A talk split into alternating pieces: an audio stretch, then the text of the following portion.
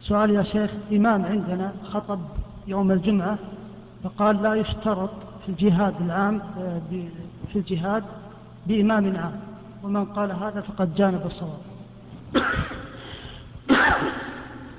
ولا لابد من إمام لكن هو إمام عام. الإمام العام بمعنى أن يكون إمام على كل الأمة هذا شيء مضى من زمان والأمة متفرقة. حتى في عهد الصحابة كانت الأمة متفرقة. لكن الإمام الخاص الذي ينتمي إليه هذا المجاهد لا بد أن أن أن يأذن له. لا بد أن يأذن له وأن يساعده. أما الجهادات التي تكون من فئات فهذه يعني تبين الآن أن نتيجتها ليست على المطلوب. ولا يحتاج أن نمثل لكم لأن الأمر واضح عندكم.